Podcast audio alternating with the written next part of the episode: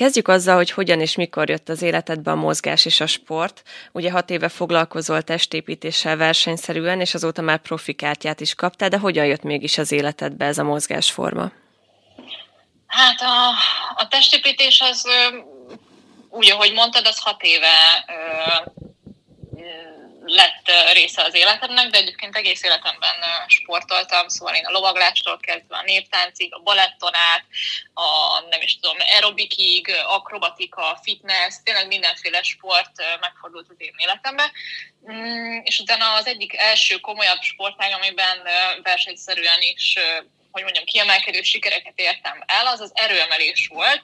Szóval én a testépítés előtt erőemelő voltam és uh-huh. amikor felköltöztem Budapestre az egyetem miatt, akkor az ottani Békés Csabai edzőtermet, meg konditermet is a, hátam mögött hagytam, és akkor egy új fejezet kezdődött el az életembe, de ugyanúgy, ahogy az erőemelés, a testépítés is konditeremben zajlik, és uh-huh. hiába nem erőemeltem már, azért elkezdtem a testépítéssel foglalkozni, és aztán ott volt egy edző a Chili Fitness 2-ben, a, ez volt a budapesti konditerem, ahol jártam, és ő mindig mondogatta, hogy de jó lennék testépítőnek, higgyem el, csak próbáljam ki, csak menjünk el egy versenyre, menjünk el egy válogatóra, stb. stb. És végül is addig-addig mondogatta, hogy meggyőzött, és beadtam a derekamat, elmentem egy válogatóba, ott beválogattak, és az volt az első versenyszezonom, ez meg már lassan hat éve. Uh-huh. Úgyhogy én, én, én testépítő maradtam, inkább azt mondom, mert magamtól soha nem jutott volna eszembe uh-huh. testépítőnek lenni. És akkor mi volt mégis az a testépítésben, ami miatt úgy döntöttél, hogy akkor, akkor szeretnéd ezt így kipróbálni? Mi az, ami megfogott benne?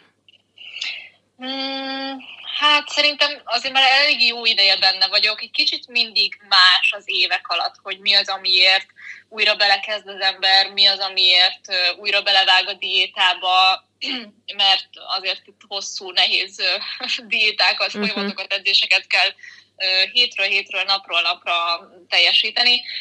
És szerintem mindig, minden évben egy kicsit más volt a motivációm. Egy időben nyilván meg, meg így általánosságban elmondható az, hogy nyilván az ember saját magából szeretné kihozni a legtöbbet, és én valahogy azt érzem, hogy, hogy az én anatómiai vázamnak, testképemnek a leges legjobbját szeretném létrehozni, uh-huh. és, és ehhez nagyon hosszú munka kell. Tehát, hogy nem elég csettintésre, és akkor egy év alatt össze lehet ezt a formát hozni, hanem, hanem itt évekről beszélünk, ez egy nagyon következetes munkának az eredménye, és talán most tudom azt mondani, hogy szerintem így a koromhoz kapcsolódóan, és most vagyok 24 éves, hogy életem formájában vagyok fizikailag is, mentálisan is, és, és valahogy úgy ez az elsődrendű motivációm szerintem, uh-huh. hogy, a, hogy a fizikai képességeim határát gyűrjem, és nézzük meg, hogy mi az, amit az én emberi testemből ki lehet hozni. Uh-huh.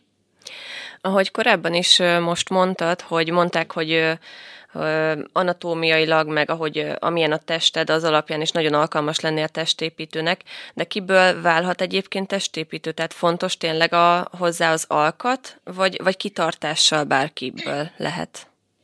Hát én itt kettészedném a, a testépítő versenyzőt, meg, az, á, meg a testépítő sportolót, mondjuk, aki uh-huh. lejár a konditerembe és testépítő gyakorlatokat végez, mert a testépítés szerintem bárki sportja lehet. Egy nagyon biztonságos, nagyon jól fejleszt ember, emberi jellemet és fizikai jellemet is fejlesztő mm, sportág, amit nagyon-nagyon sokan végezhetnek, uh-huh. idősek is, fiatalabbak is, tehát mindenki meg tudja találni a, hogy mondjam, mm, a saját maga dolgát és szerepét a testépítésben, uh-huh. és nagyon re, rengeteg pozitív hatása van a, amikor általánosan rekreáció céljából végezzük a testépítést. Uh-huh.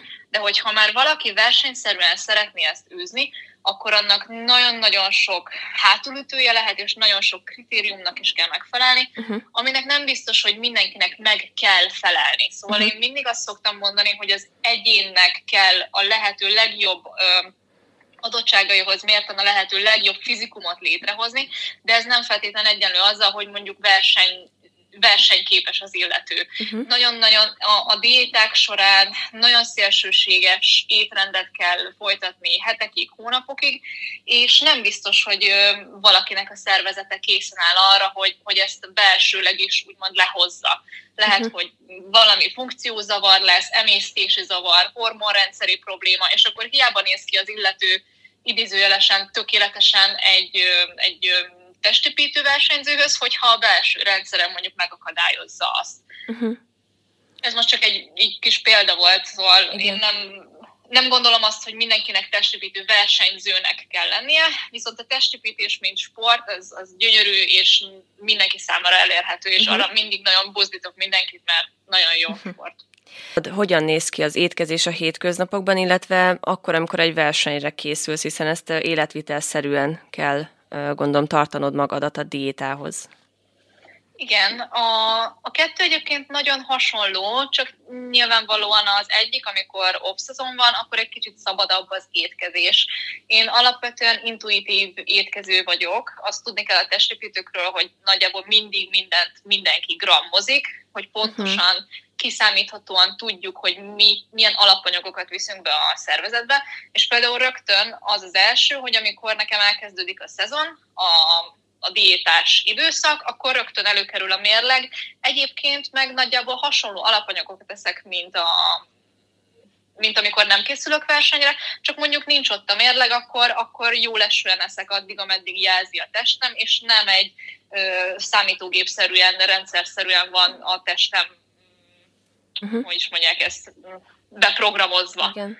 Hanem én magam döntöm el, hogy mikor, mennyit és miből, és akkor értelemszerűen én már annyira régóta benne vagyok, hogy nekem nagyon érdekes az, hogy ö, amit, amit egy hétköznapi ember, már jó értelemben vett hétköznapi, ö, diétának hív, ami nekem életmódszerű, és mondjuk az nem a diétás ételem. Tehát, hogy már annyira sok junk foodot eszik az ember, hogy amikor már normális kaját lát, akkor az már egyből diétás, pedig csak mondjuk teljesen alannatúra, természetes egészséges alapanyagokból van összerakva. Uh-huh.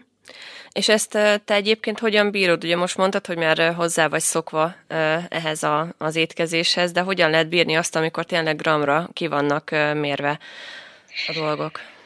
De, nagyon nehéz, és nagyon mm, sok időt elvesz a napokból, a hetekből, és nagyon sokáig nem lehet látni az eredményét.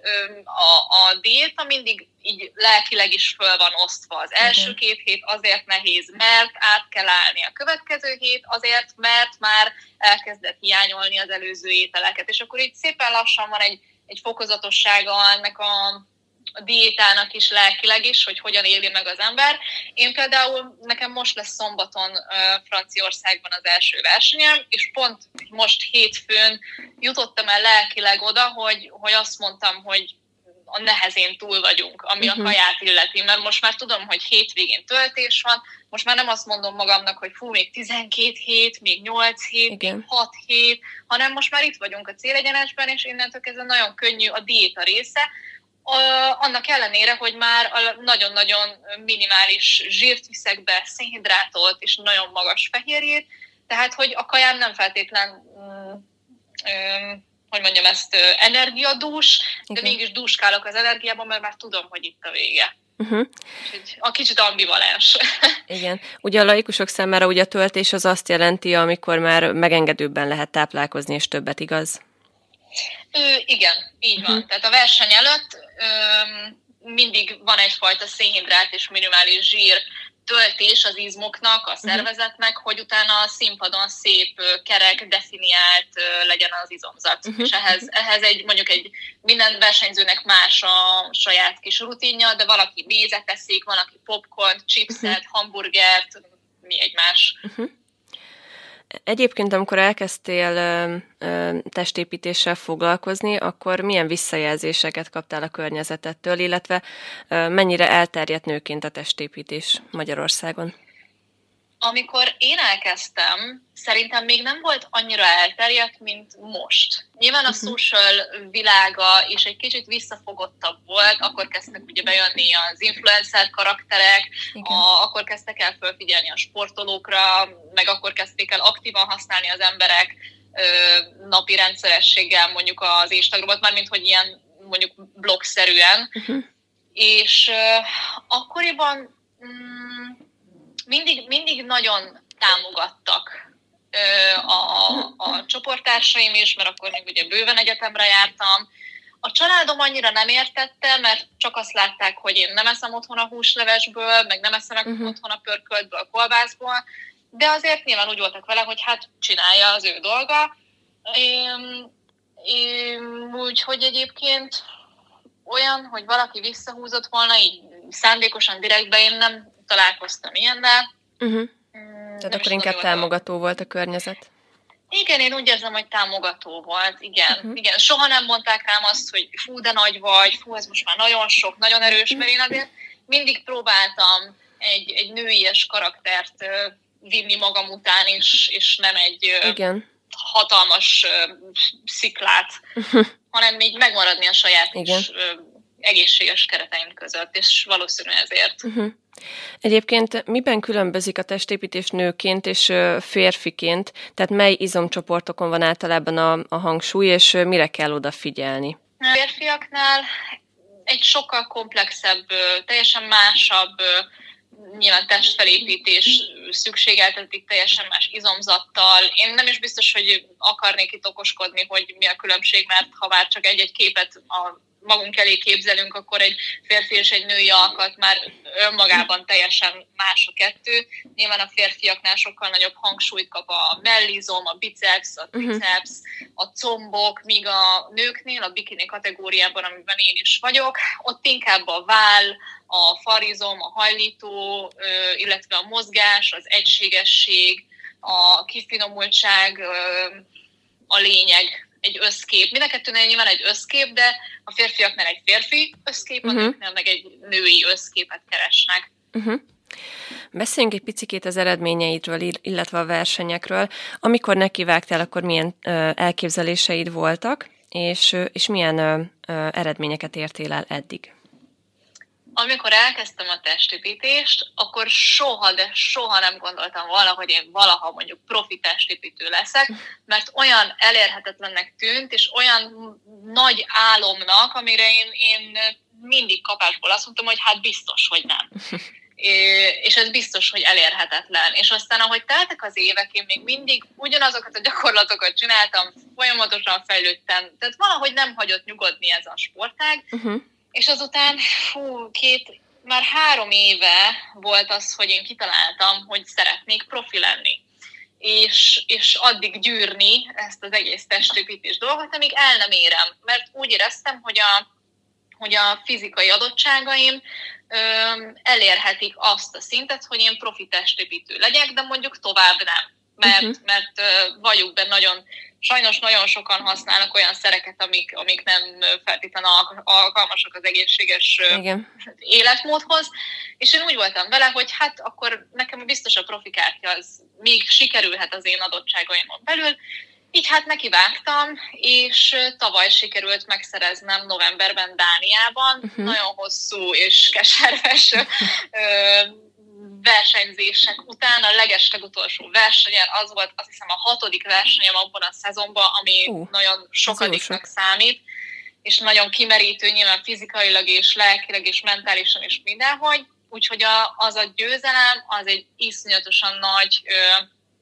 ö, nem is tudom, hogy fog, euforikus állapotba kerített, és aznap még a profik színpadán is megmérett megmérettethettem magamat, és a profik között életem első versenyén azzal a formával, ami egy éve volt, azzal lettem negyedik helyezett. És hm. igazából ez, ez a helyezés, ez a profi negyedik helyezés, ami akkor egy nyilván egy pontos olimpiai pontszerző helyezés volt, arra azt mondtam, és úgy mentem haza, elültette ez a kis helyezés a gondolatot a fülembe, hogy húha, akkor itt meg lehet az olimpia? Uh-huh. Hát aztán kértem feedbackeket szponzoroktól, edzőktől, mentoroktól, hogy mit gondolnak, és mindenki százszerzalékosan azt gondolja, hogy nekem lehet helyem olimpikonok között. És ez a megerősítés nagyon jó volt, mert uh-huh. én tudatosan elkezdtem készülni már ebben az évben, tehát ilyen január-februártól tudatosan erre az idei őszi szezonra. Uh-huh.